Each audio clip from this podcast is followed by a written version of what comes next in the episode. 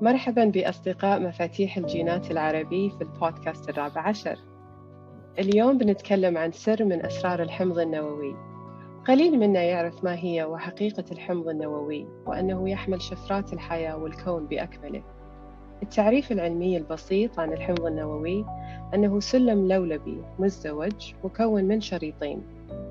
مشكلا الكروموزات التي تحمل الصفات الجسمية والخلقية للكائنات الحية. وتضم الكروموسومات ما يسمى الجينات التي يحمل كل واحد أو مجموعة منها معلومات وراثية محددة. لكن اليوم بنتكلم عنه من زاوية مختلفة وأنه لاقط قوي super conductive قادر على استقبال المعلومات وأيضا إرسالها. مرحبا بأصدقاء مفاتيح الجينات ومرحبا بأميرة صديقتنا من عمان اللي اللي قدمت لنا هذا البودكاست وتحملنا هدية وعربون جميل لأصدقاء مفاتيح الجينات العربي وبيكون في آخر البودكاست. اليوم أصدقائي بنتكلم عن حمض النووي من منظور مختلف تماما عن المدرسة الطبية. نتكلم عنه من مبدأ كوني ومن منظور مفاتيح الجينات. الحمض النووي في الحقيقة يحمل أسرار كثير وأول مرة لنا كبشر يتسنى لنا نكتشفها.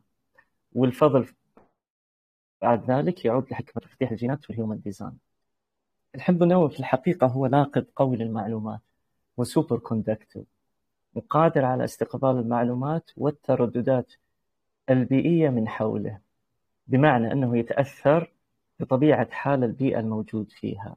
يتأثر بالظروف ويتأثر بطبيعة البشر وبطبيعة الترددات وكل شيء من حوله يعني. طبعا أعتقد هذه المعلومات مو جديدة. آه، كلنا يعرف مثلا الناس اللي يعيشون في أماكن مزدحمة. تلاقيهم سريع الانفعال مثلا تلاقي حركاتهم الجسدية سريعة. وتلاقي على سبيل المثال أيضا الناس اللي تعيش في مناخ حار. تلاقي ممكن ردات الفعل أفعالهم شوية تكون انفعالية. والعكس صحيح. وهذا دليل على أن الحمض النووي يتأثر بالمعلومات البيئية من حوله. فاليوم بنحاول نركز على نقطة أنه لاقط قوي. وش معنات هالكلام هذا؟ إيش بنستفيد إذا اكتشفنا أن الحمض النووي عبارة عن super conductive أو لاقط قوي؟ كيف يأثر علينا؟ وكيف حنا نقدر نتعامل مع هذه الحقيقة؟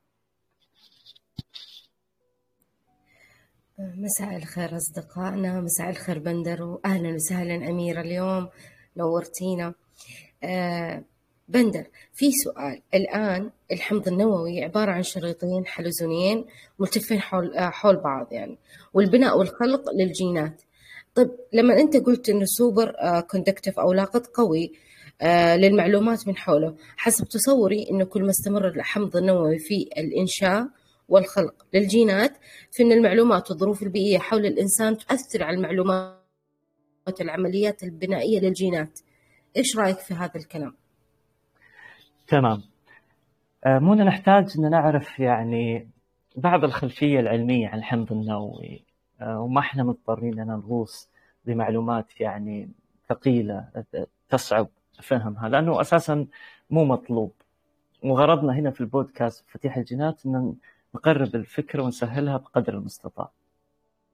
إذا اتفقنا أنه الحمض النووي عبارة عن شريطين آه، يلفون حول بعض بشكل حلزوني ومن خلال الأحماض الأمينية آه، يتم صناعة البروتينات اللي تصنع الجينات وبالتالي الكائن البشري.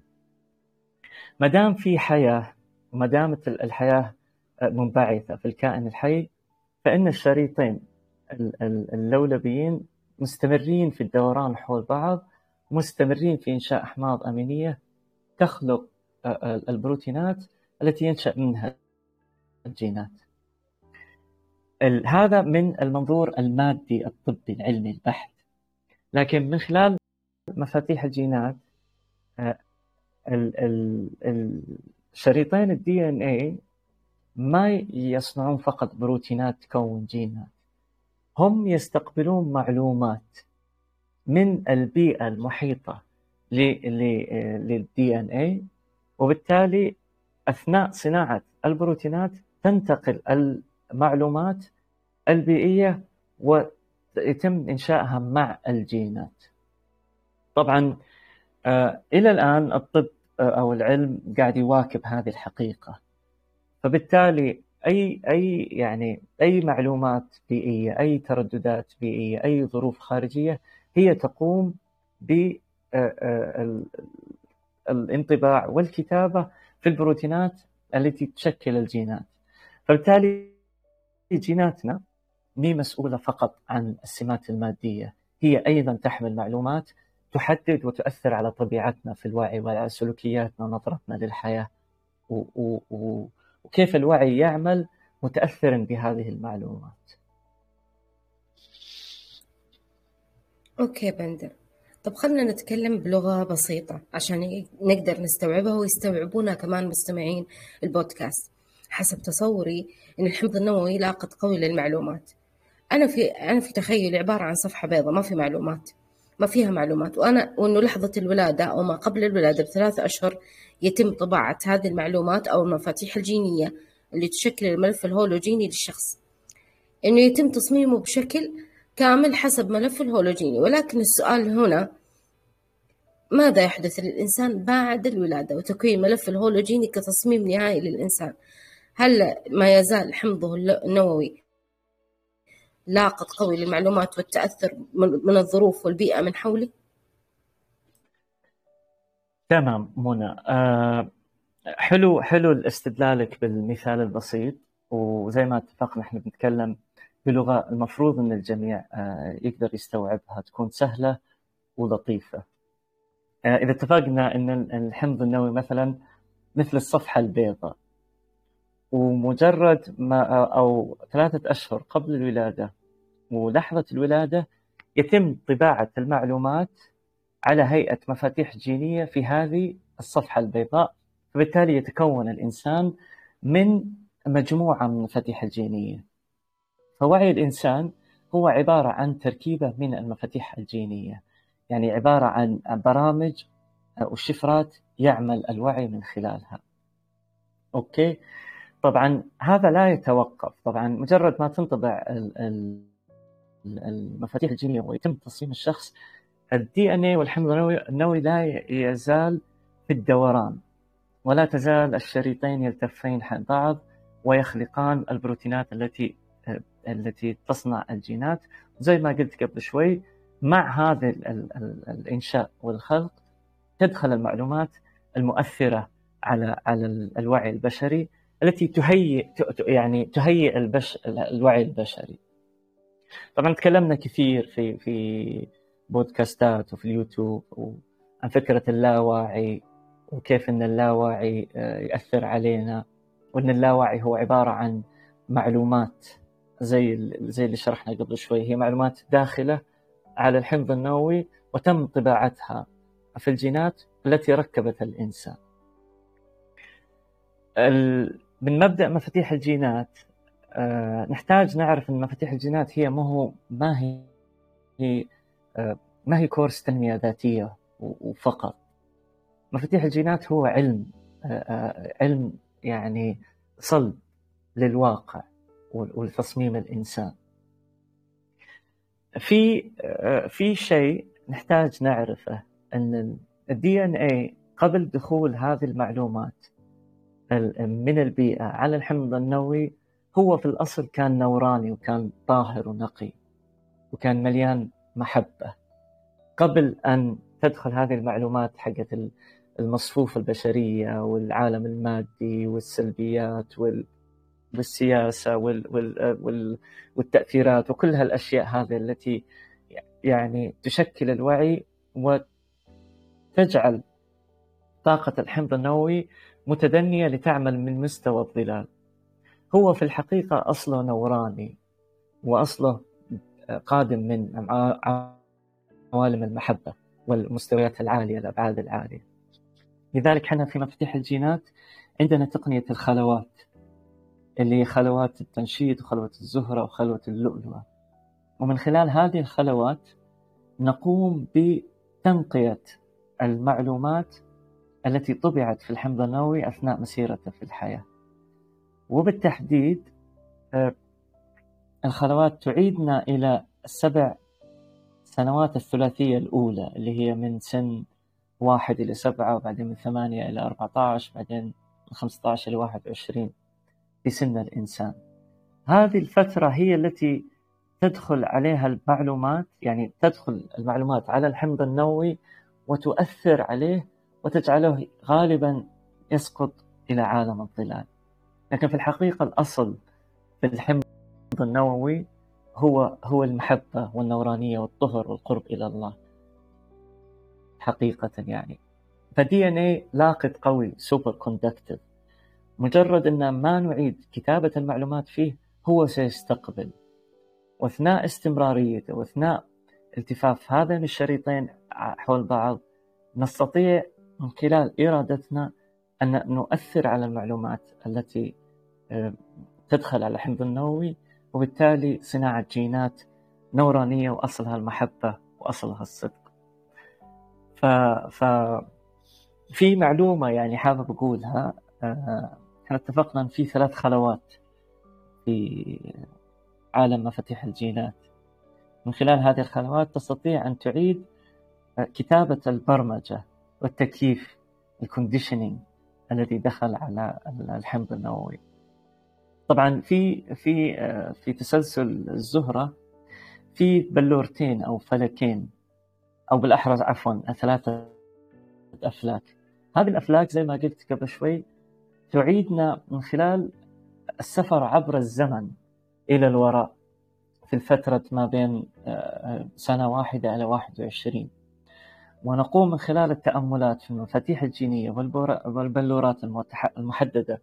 في الملف الهولوجيني بإعادة ما تم كتابته في في في الدي ان اي طبعا كلنا يعرف ان ريتشارد رد آه، إنسان شاعر وضليع في اللغة ويحب يستخدم آه، يستخدم يعني مصطلحات نورانية مثل جنة عدن والفردوس والعوالم العالية وإلى آخره. فهو إذا هو يعني طلبنا طلب منا طلب أثناء تأملنا في الخلوات أن نعود بالذاكرة لتلك الفترة اللي كنا فيها أطفال يعني بالتحديد ما بين يعني آه، سن سبعة وأربعة حتى ما بين سن واحد إلى سبع سنوات.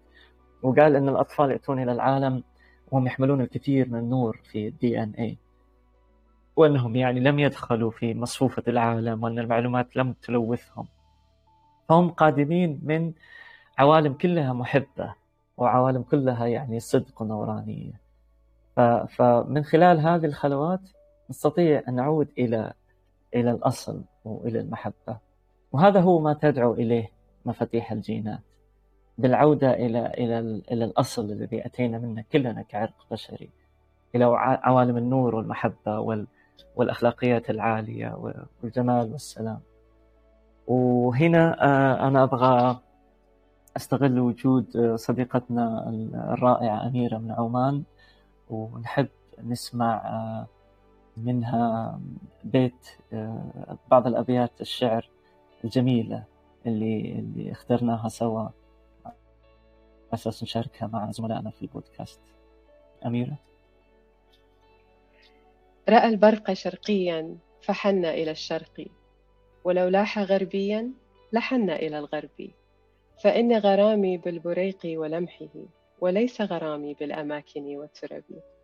روته الصبا عنهم حديثا معنعنا عن البث عن وجدي عن الحزن عن كربي عن السكر عن عقلي عن الشوق عن جوى عن الدمع عن جفني عن النار عن قلبي. بأن الذي تهواه بين ضلوعكم. تقلبه الأنفاس جنبا إلى جنبي.